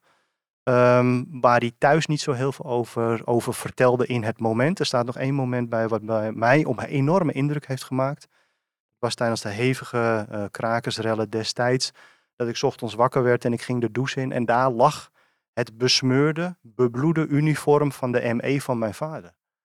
En toen ik dat zag, dacht ik, oh shit, mijn vader zit midden in het geweld. En zonder dat ik daarmee meteen een kant wilde kiezen, maar het feit dat dat kon plaatsvinden, dat je dat deed om de maatschappij veiliger te maken, heeft wel heel veel indruk op mij gemaakt. Ja. Wilde je ooit politieman worden? Altijd. Ja? Tot welke leeftijd? Uh, totdat ik besefte dat het heel lang duurde voordat je daar carrière in kon maken. ja, nee, ik liep als klein jongetje altijd uh, al thuis rond met de politiepet van mijn vader. Dus ik ging bij de politie, vandaar ook mijn, uh, mijn, mijn vurige wens om altijd mee te mogen lopen. Ik vind het nog steeds een fantastisch moedig beroep. Net als overigens dat van mijn zusje, die al jarenlang in de zorg werkt, in het ziekenhuis. Dus ja, dat sociale en ook zorgen voor de maatschappij, dat, dat heeft mij zeker aangetrokken. Uiteindelijk heb ik het niet gedaan omdat met nou, mijn hersencapaciteit, zeiden ze dan thuis, het toch wel wat handiger was om een andere richting te zoeken. Wat vonden ze ervan dat jij toen in die financiële sector ging werken? Trots, ja? maar wel vreemd. Wat ga je dan doen? Wat doe je dan? Ik vind het nog altijd fantastisch leuk om elke week toch ook een beetje met mijn ouders te hebben over wat heb ik nou eigenlijk gedaan? Wat doe je dan, Jeroen? Um, waar ben je dan mee bezig? Om, om ook die bankaire realiteit ook te vertellen van wat betekent dat eigenlijk waar je nou dagdagelijks zo druk mee bent. Maar ze waren wel, ze hadden niet zoiets van uh, waarom ga je niet meer in de publieke zaak werken nee, bijvoorbeeld. Ze waren wel heel supportive daarin. Absoluut en zeker in ondersteunend om ook volgende stappen te mogen zetten, om de wereld te verkennen. Uh, ja, weet je, dat is natuurlijk ook wat, wat, wat, wat, wat ik ook weer graag nu aan mijn kinderen wil doorgeven. Dat zij ook weer de volgende stap in het verbreden van hun horizon ook uh, mogelijk kunnen maken. Was het christelijk gezin? Uh, katholiek inderdaad. Katholiek. Ja, ik zeg Heb altijd, je daar veel van meegekregen? Nou, ik zeg altijd, ik ben katholiek, maar niet rooms-katholiek opgevoed. Dus, Wat uh, bedoel je daarmee? Uh, de leuke kanten van katholiek wel. maar wij gingen inderdaad ook altijd elke week naar de kerk, inderdaad. totdat ik, en dat vindt mijn moeder nog altijd leuk, totdat ik elke, el, elke week de preek van de pastoor begon te bekritiseren. Ja, toen, toen vond zij het niet meer leuk. Dus toen zijn we ermee gestopt. maar nu nog altijd, ja, christelijk opgevoed, katholiek. Uh, maar wel met de vrolijke kant van het katholiek zijn. Ja. Doe je er nog iets mee? Ja, zeker, zeker. Ja, het, het gekke is juist bewuster nu ik mijn vrouw ben tegengekomen. Zij heet Serpel, zoals je net zei ook bij de inleiding. En ze is Turks. Uh, daarmee ook moslim. Dus we hebben thuis ook twee geloven bij elkaar. En daar waar het een tijdje lang wat minder van belang was of op de achtergrond verdween, is juist het tegenkomen van mijn vrouw en het bij elkaar brengen en verenigen van die verschillende godsdiensten, is het juist weer ook wat, wat belangrijker geworden. En niet in tegenstellingen, maar juist in harmonie en de overeenkomsten tussen. Ben je ook praktiserend christen? Ga je wel eens naar de kerk bijvoorbeeld, ik noem maar wat? Of um, lees je wel eens ik, wat ik, ik kan het niet nalaten om op vakanties waar dan ook altijd alle kerken in te lopen. Maar wij gaan niet meer met kerst of door de week. Of, of in en de moskee ook niet? Nou, ja, dat, dat, ook daar, als we daar tegenkomen, dan vind ik het toch altijd weer leuk om samen met mijn vrouw daar toch even weer naar binnen te gaan en de sfeer te proeven, de atmosfeer te proeven van ja, hoe zo'n godsdienst daar ook echt letterlijk je kunt voelen. En zie je dan heel veel overlap tussen het katholicisme en, het, um, en, en de hele moslim uh, gods, de islam? Terugkerend tot hoe, hoe die beide godsdiensten tot stand komen, zijn alleen maar overeenkomsten alleen maar. We noemen ze anders, maar zelfs de feestdagen lijken op elkaar, hebben dezelfde betekenis. Dus wat dat betreft heeft het mij ook enorm veel verrijkt, het tegenkomen van mijn vrouw en haar familie natuurlijk. Dat de verschillen die daar zeker in deze tijd worden uitvergroot, nou ja, je moet ze soms met een zaklampje zoeken, want de overeenkomsten zijn veel groter.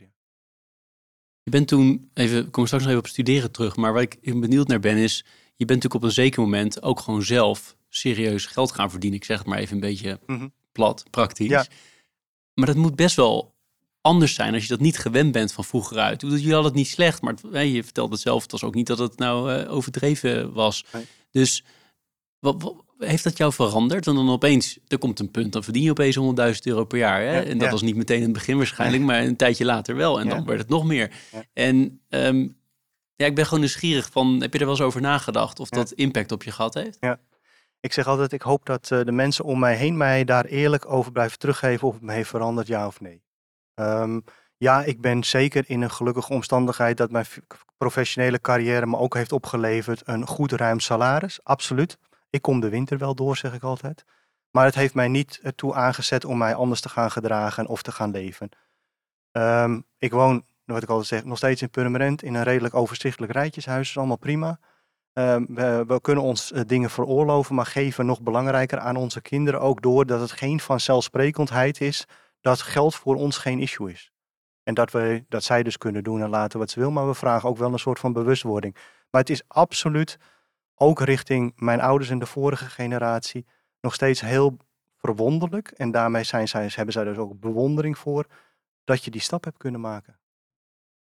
Nog één vraag over je jeugd. Ja.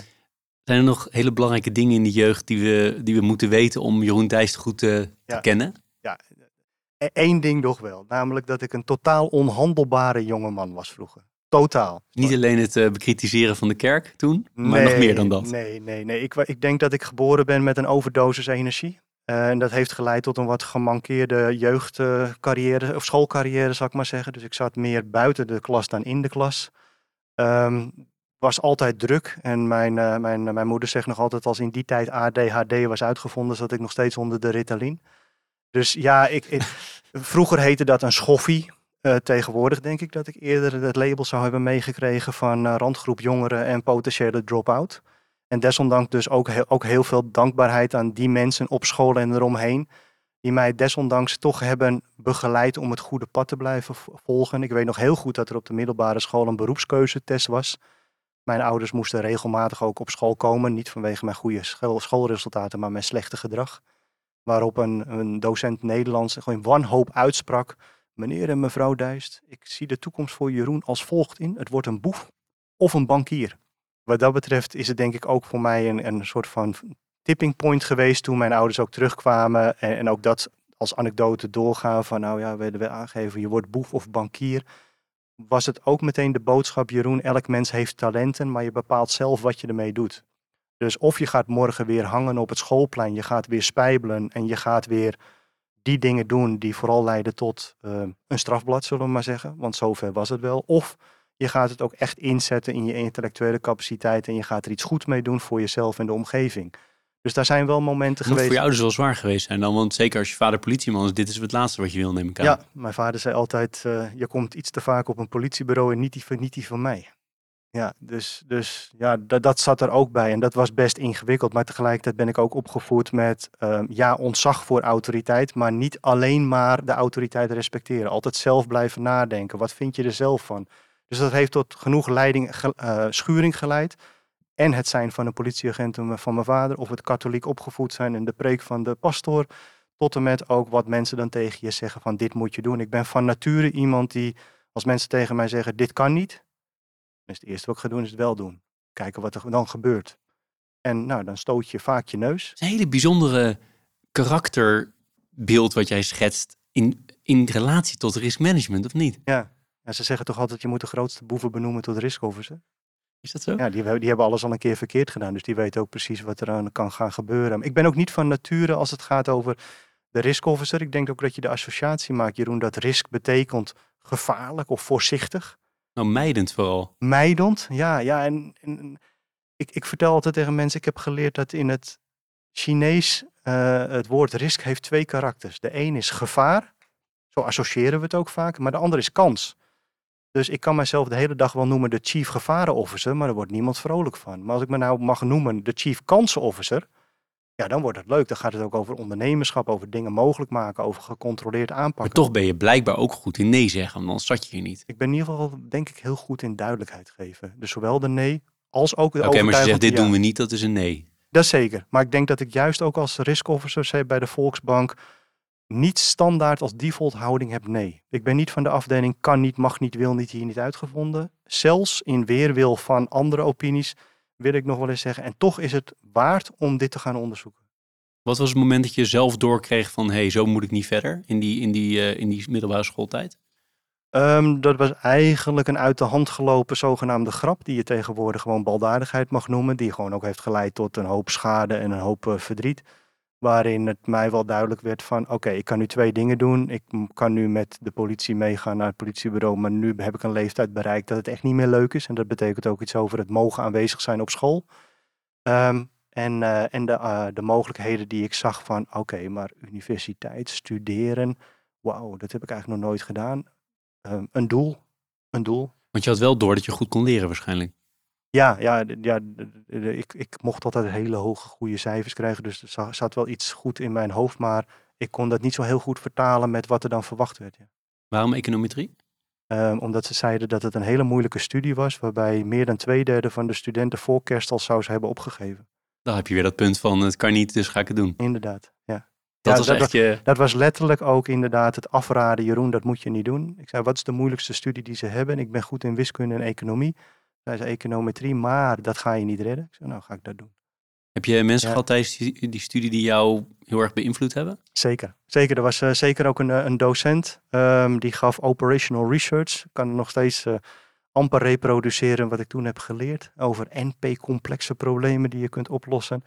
Maar ook een fantastische man, ook in kleding, totaal non-conformist. Ook in zijn doen en laten uitspraken. Echt, er was geen touw aan vast te knopen. Maar met name alle gesprekken rondom de colleges en daarbij. En dat hij ook gewoon bij ons kwam zitten om ook gewoon een kopje koffie te drinken en te vertellen over wie die was, waar, wat hem dreef. Ja, dat soort, uh, dat is wel een voorbeeld waardoor ik ook dacht, oh, dit vind, dit vind ik cool. Ik heb ook jarenlang nog gedacht dat ik ook inderdaad ook verder zou gaan met lesgeven. Woon je op kamers, woon je thuis? Ik woonde thuis, ja. Nee, de hele studententijd? Ja, hele studententijd, ja. Ja? ja, ja. Hoe komt dat? Uh, Purmerend, Amsterdam, dat was toen buslijn 107. En uh, gratis eten en woningen. dus en had je bijbaantjes? Nee, nee, mijn ouders die, ja, hoe gek ook anders als een verloren uh, uh, krantenwijk zeiden mijn ouders altijd, steek je tijd en energie maar in twee passies. Eén was studeren en de andere was sporten, handbal. En de rest zei ze, hoe meer je hiermee bezig bent, hoe sneller je vanzelf wel een goede baan hebt. Want handbal was iets wat jou heel erg trok. Ja, ja ik, ook, ook hier vanuit de familie en vanuit mijn vader in het bijzonder heb ik de handbal overgenomen. En ruim twintig jaar met heel veel plezier en fanatisme die, die mooie sport beoefend. Ja. Want je zei zelf, ik heb veel energie. Nou, dan kom je ook heel erg over op mij. Hè? Ik las in de voorbereiding dat je het nu ook heel erg uit in racefietsen. Ja, klopt. Na de lange, lange jaren in teamsport um, merk je ook dat de combinatie met je thuissituatie en aandacht geven natuurlijk ook goede werk-privébalans en tegelijkertijd ook die energie kwijt moeten en graag willen sporten, is het verworden nu een heleboel jaren altijd in uh, mijn, uh, mijn, mijn hobby van fietsen. Dat doe ik uh, elke dag. En elke dag twee uur. Maar dat doe je dan naar je werk toe of zo? Of, nou joh, ik ben super, super, flexibel geworden dat ik soms achter de laptop thuis de laatste MS Teams meeting al in mijn wielerkleding doe. En als die is afgelopen gaat de laptop dicht en vlieg ik naar buiten. En op het moment dat ik weer thuis kom en gedoucht ben, dan is de eerste MS Teams meeting nog met, met een verhit hoofd. Maar heb ik wel de dag kunnen breken in twee delen. En ben ik weer helemaal fit om uh, ook weer aanwezig te kunnen zijn. Ja, want een van die artikelen die ik las ter voorbereiding was ook dat, uh, even mijn woorden, maar dat is puzzelstukjes een beetje op zijn plaats vallen als je aan het racefietsen bent. Dat je opeens dingen ziet die je anders niet ziet. Hoe ja. verklaar je dat? Hoe werkt dat? Geen idee, maar voor mij werkt het, Jeroen, dat uh, je moet mij niet acht uur uh, of tien uur op een dag in een vergaderzaal zitten om te vragen of ik stil kan blijven zitten en dan nog verstandige dingen kan doen. Daar zit een Dat is wel een groot deel van je werk. Dat is een groot deel van mijn werk. Het is ook een groot deel waarin ik om mij heen zie dat collega's dat fantastisch kunnen, maar Um, nou, je zei het al, mijn energie, uh, dat ik niet stil kan zitten, dat betekent ook gewoon dat ik onrustig word en ongeduldig word. Dus die break heb ik nodig om uh, um, naast de geestelijke inspanning in het hoofd ook de lichamelijke inspanning te kunnen doen. En dan is vaak de zaken waar ik tegenaan loop, bijvoorbeeld in de ochtend, ik ga fietsen en ik kom terug. Ik denk, oh, nou, zo, zo, zo, zo. En dan is het in een fractie van een, uh, van een minuut is het weer gepiept. Ja? Mooi. Dit is Leaders in Finance met Jeroen Broekema. Je bent de enige gast uh, van de 144, denk ik, die uh, van tevoren tegen mij zei: Jeroen, je mag ook prima netelige issues op tafel gooien, maakt mij allemaal niet uit. Ja. Uh, als ik het niet wil zeggen, dat is even mijn woorden, maar dan, dan ga je het niet, zou je het niet zeggen. Dus laat ik dat dan ook maar doen. Want ik vind het wel bijzonder dat iemand dat doet. En dat doen we sowieso altijd in de vorm van een teaser en een pleaser. Dus die doe Ah, ik eerst even. ja. Eh, de pleaser is altijd dezelfde. eh, maar de teaser eh, heb ik opgeschreven. Het is heel eh, begrijpelijk dat er nu zoveel onvrede is over de spaarrente in de samenleving. Ben je het daarmee eens? Ja, ik, ik kan mij best goed voorstellen dat als ik een, eh, een, een consument ben in Nederland en ik lees in de krant dat de ECB de laatste anderhalf jaar de rente continu heeft verhoogd. eh, en ik vervolgens op mijn rekeningafschrift kijk met wat, wat, wat leveren mijn zuur gespaarde centjes op, dat je daar een bepaalde onvrede over hebt. Zo zijn er heel veel meer producten in de, in, in, die, die, die beschikbaar zijn, niet alleen vanuit de financiële sector en eromheen, waarin we klaarblijkelijk ervoor hebben gekozen om minder transparant te zijn over hoe zo'n prijs tot stand komt. En de consument eigenlijk in het, eh, in het ongewisse te laten over waarom zo duur of waarom zo weinig in dit geval. Ja, en wat is dan de consequentie van deze ja op deze stelling? Moeten de banken dus eigenlijk veel sneller verhogen? Moeten ze beter uitleggen wat, eh, hè, want jij en ik kennen alle redenen heel goed waarom die rentes zo zijn als dat ze zijn. Hè? Daar Ja. kun je ook nog van alles van vinden, maar in ieder geval kunnen we het uitleggen. Ja. Maar wat is dan de consequentie daarvan? Ja, we hadden laatst ook het goed, goede gesprek ook binnen de Volksbank. En toen zei ik, het heeft waarschijnlijk heel weinig nut als ik nu begin over een verhandeling van replicating portfolio's en het hele mechanisme van de rentegevoeligheid binnen een bank. Dat, dat, weet je, daar zal de consument van zeggen, moet jij weten. Ik denk dat we zeker de laatste jaren hebben vergeten om ook niet alleen de klanten, maar ook de mensen die in de winkel staan goed uit te leggen van hoe komt de spaarrente tot stand, net als de benzineprijs als in, in vergelijking.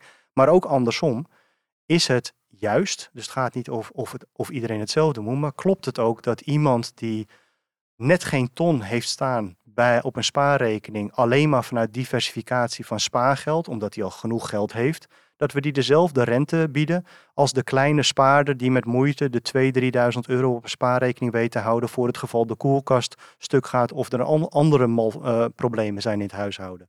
Wat mij betreft is voor de kleine spaarder die zich verbonden heeft ook aan een merk, en ik beperk me hier tot aan de Volksbank, het passender om daar een snellere volging van de rente te doen. En dan zeg ik er altijd bij, laten we dan ook afspreken dat we dat in goede en in slechte tijden doen, want de asymmetrie zit er natuurlijk in alle kanten in. Er was geen enkele klant die ook tegen de bank zei, toen de rente zo negatief was, kun je alsjeblieft de rente nog verder negatief maken. Dus ook daar weten we natuurlijk van, daar heb je altijd een bufferfunctie als ba- bank in om dat ook op te vangen.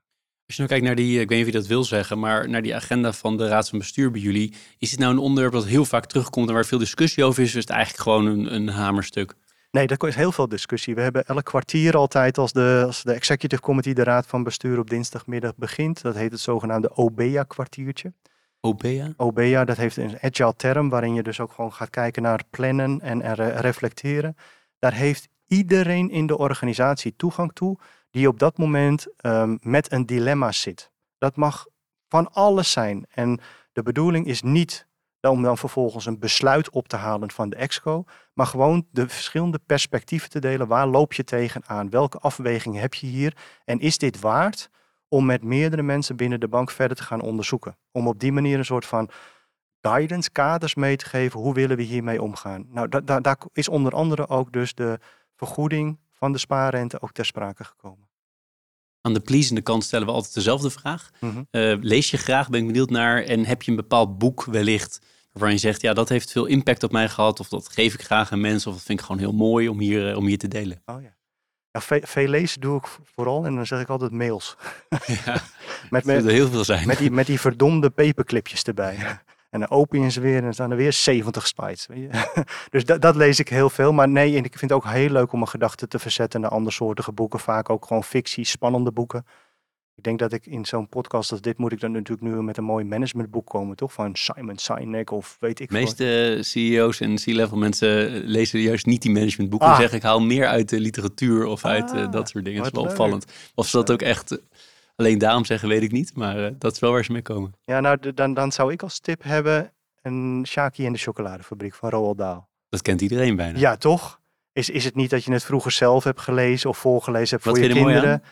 Ja, het, het, het is een, ehm, het, voor mij is het een, een fantastisch mooi verhaal, wat, wat ik altijd noem een soort van alter egootje van Jeroen. Namelijk, het is een jongetje van eenvoudige komaf, die vervolgens per ongeluk een gouden wikkel vindt, daarmee de, de, de fabriek van, weet je nog wie het was? Willy Wonka. En Willy Wonka naar binnen komt. Ik zie dat als metafoor voor de financiële industrie. Van buiten ziet het er heel anders uit als van binnen. Ik ben met die gouden wikkel daar binnen gekomen. Ik heb daar een wonderlijke reis. Inmiddels maak ik mee van die bijna 30 jaar. Ik mag uh, werken met, uh, met hele leuke collega's. Die overigens in, uh, in, in het boek van Shaki in de chocoladefabriek hele andere aanduiding hebben. Weet jij dat ook nog, Jeroen? Nee, dat weet ik en niet de Oompa Loompas. Dat oh mag, ja, de Oompa Loompas. Dat mag in deze woke tijd natuurlijk helemaal niet meer. Maar toen heette het nog Oompa Loompas. En maak een hele mooie reis door met hele verschillende mensen. En dat staat dan ook metafoor uit het verhaal met al die aparte karakters die geleidelijk ook langzaam allemaal door Willy Wonka worden nou, afgeserveerd, hè, de fabriek moeten verlaten. Um, ik vind het nog steeds een heel mooi verhaal, omdat het me ook inspireert en bij de les houdt over waar je vandaan komt, wie je bent, je authenticiteit. Um, ja, dat is echt voor mij een belangrijke het wel eens aan mensen? Ik geef, ja. Of alleen kind, aan, aan, ouders met kinderen, of geef ja, het ook aan volwassenen? Nee, ik geef het ook aan volwassenen. Goed dat je dat zegt. Ik had laatst inderdaad weer een kennismaking met een aantal nieuwe mensen en dan neem ik altijd twee dingen mee. Eén is het boekje van Shaki in de chocoladefabriek.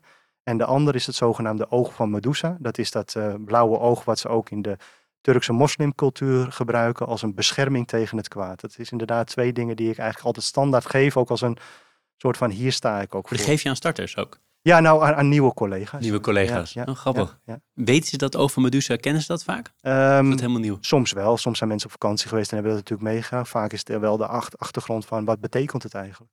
Ja. Dat is meteen een basis voor een leuk gesprek, denk ik. Hè? Een ander gesprek dan uh, wat heb je hiervoor gedaan? Wat, wat, wil je, wat doe je hier voor een nieuwe rol? Dat is het mooie ook van deze bank. Hè? Het heet niet voor niets bankieren met de menselijke maat. En daar kan ik me ook helemaal uh, vrij in voelen dat we geïnteresseerd zijn in de professionele kwaliteiten, maar nog meer in de mens achter de professional. Een beetje zoals wij nu ook natuurlijk, Jeroen, spreken.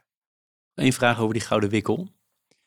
Heb jij het idee dat je het allemaal toeval is hoe jouw carrière gelopen is, dat je nu op het hoogste niveau binnen een van de grotere banken in Nederland uh, opereert, veel, veel ja, invloedrijk persoon bent, dat zijn mijn woorden, in de financiële sector. Mhm. Dat dat echt de trek is van de gouden wikkel uh, uit zo'n uh, uit zo'n pakje, een puur geluk dus met andere woorden. Of dat er ook een element in zit van, ik heb het ook echt wel zelf gedaan, of zit het ergens daartussenin? Ja. Ik heb jarenlang inderdaad beweerd dat het me allemaal is toegekomen, toevallig tot stand gekomen is. Ja, toen werd ik gevraagd om dat te doen en toen gebeurde dit en dat heb ik dan gedaan vanuit een soort van, ik denk achteraf onterechte onbescheidenheid. Want ik moet ook gewoon heel eerlijk bekennen, um, nee, ik heb ook heel veel kansen zelf gecreëerd.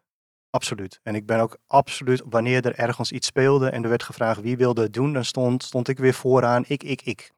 Als, zeker als er ergens brand was, zeker als er ergens iets misging, zeker als er weer een aapje op een schoudertje moest komen te staan, dan had ik van nature, en ik denk dat dat ook vanuit die energie komt, of misschien wel een beetje vanuit dat boefjeskarakter, toch altijd de neiging om te zeggen, laat mij het maar doen. Ik wil het wel doen.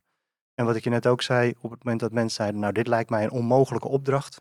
Nou, dan was hij voor mij natuurlijk, uh, kom maar op, doe maar. Een van mijn collega's heeft vroeger wel eens gezegd, every great accomplishment at first instance seems impossible. Nou, dat is een fantastische motivatie geweest door, door veel dingen die ik privé, maar ook professioneel heb meegemaakt. Om te zeggen van, nou weet je, als er iets gedaan moet worden, dan wil ik dat ook graag doen. Soms is het niet gelukt, maar dan was er ook een reden voor of dan heeft het me in de weg gezeten. Maar daar waar ik het wel de handschoen heb opgepakt, zelf het initiatief heb gepakt, zelf daarmee aan de slag ben gegaan en daarin heb getoond dat je ook dingen echt mogelijk kunt maken, hebben zeker bijgedragen aan de fantastische plek waar ik, waar ik nu ook nog steeds mag zitten. Werkte jij, of nog steeds, maar vooral in die beginperiode, veel meer dan je collega's? Ja, ja. Ja, dat, dat, dat, daar moet ik ook heel eerlijk in zijn. Ik kende in het begin van mijn uh, carrière bij de financiële sector geen rem op het aantal uren. Nee. En ik was ook een beetje stil in het antwoorden, omdat het me ook heeft geconfronteerd dat het wel een aantal dingen ook heeft gekost. En gelukkig heb ik daar een hele lieve, doch strenge vrouw ook in, die me op tijd ook daar weer tot, uh, tot orde heeft geroepen. En ik heb eerder uh, een heel uitgebreid gesprek met Jort Kelder gehad, ook uh, voor deze podcast. Uh, en hij zegt, mensen die echt heel succesvol zijn, die zijn heel mateloos. Hè, die hebben, ja. kennen geen maten, die gaan maar door. En dat heeft heel veel nadelen en heeft ook allemaal collateral damage, hè, wat jij net beschrijft. vooral in de privésfeer, vooral met, met relaties en met kinderen.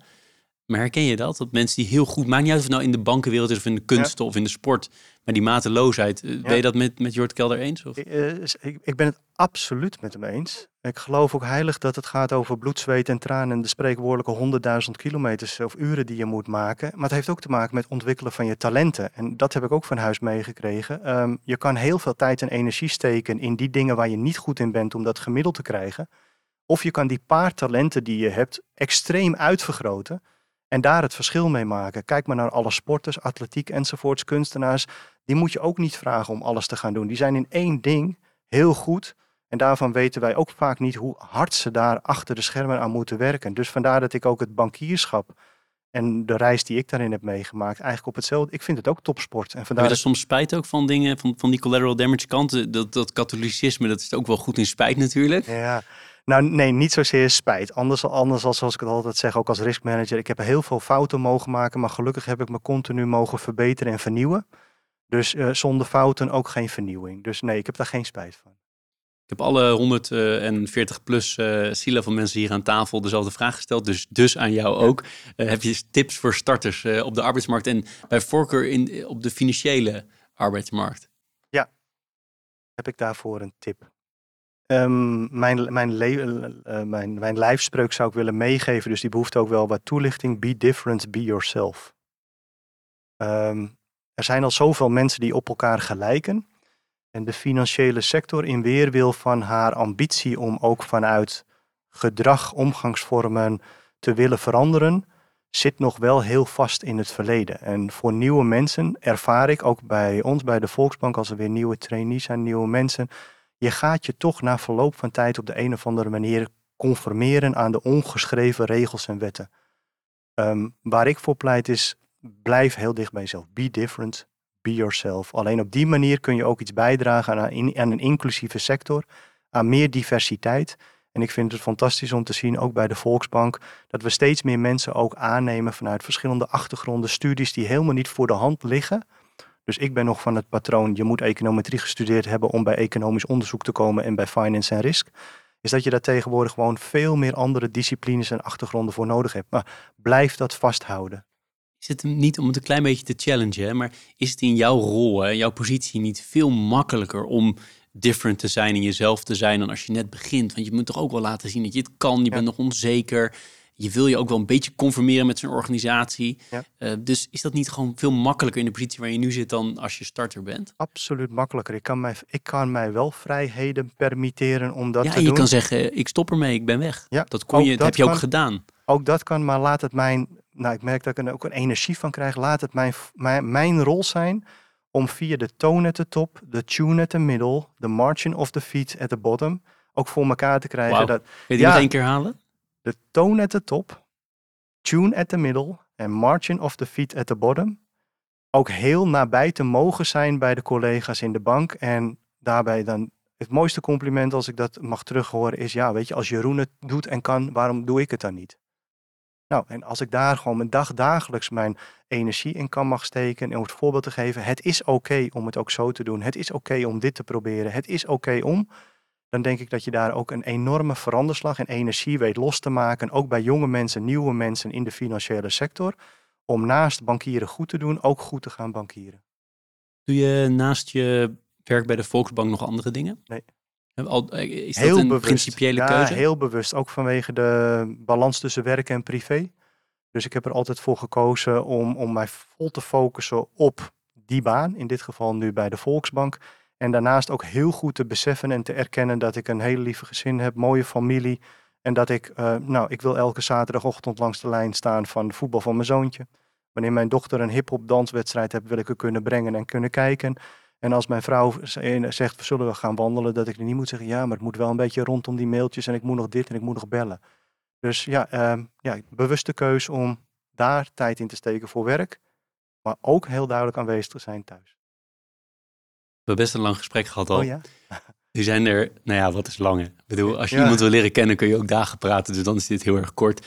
Uh, maar ik wil eigenlijk aan jou vragen, Jeroen. Eh, zijn er nog dingen waarvan je zegt, uh, dat zouden we echt nog even op tafel moeten gooien? Dan wel uit je privé, dan wel uit de zakelijke kant met de, met de Volksbank. En dan wel iets anders.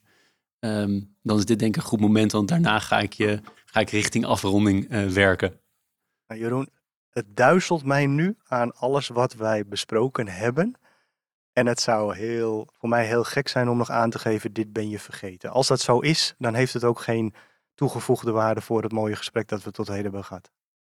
Nou, dat kan ik alleen maar echoen. Ik heb het als ongelooflijk leuk gesprek ervaren. En dat zit er met name in het feit dat je je, je open durft op te stellen, kwetsbaar durft op te stellen. En ook duidelijk gewoon zegt wat je van dingen vindt en om niks heen draait. Dat vind ik erg, erg prettig. Dus dat, eh, dat be, eh, be different, be yourself, was dat, zei ik het goed? Ja, dat is, eh, is volgens mij erg goed gelukt bij jou.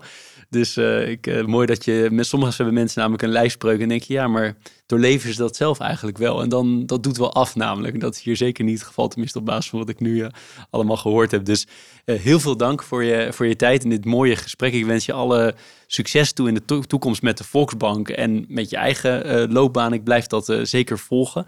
En nu weet ik dat jij al het uh, boek van de eerste 100 CEO's hebt. Je komt uiteraard zelf in de tweede 100 te staan. Duurt nog wel even, hè, want we hebben nog meer dan 50. Uh... Maak een beetje haast hier. Ja, ik zal een beetje doorwerken met interviewen.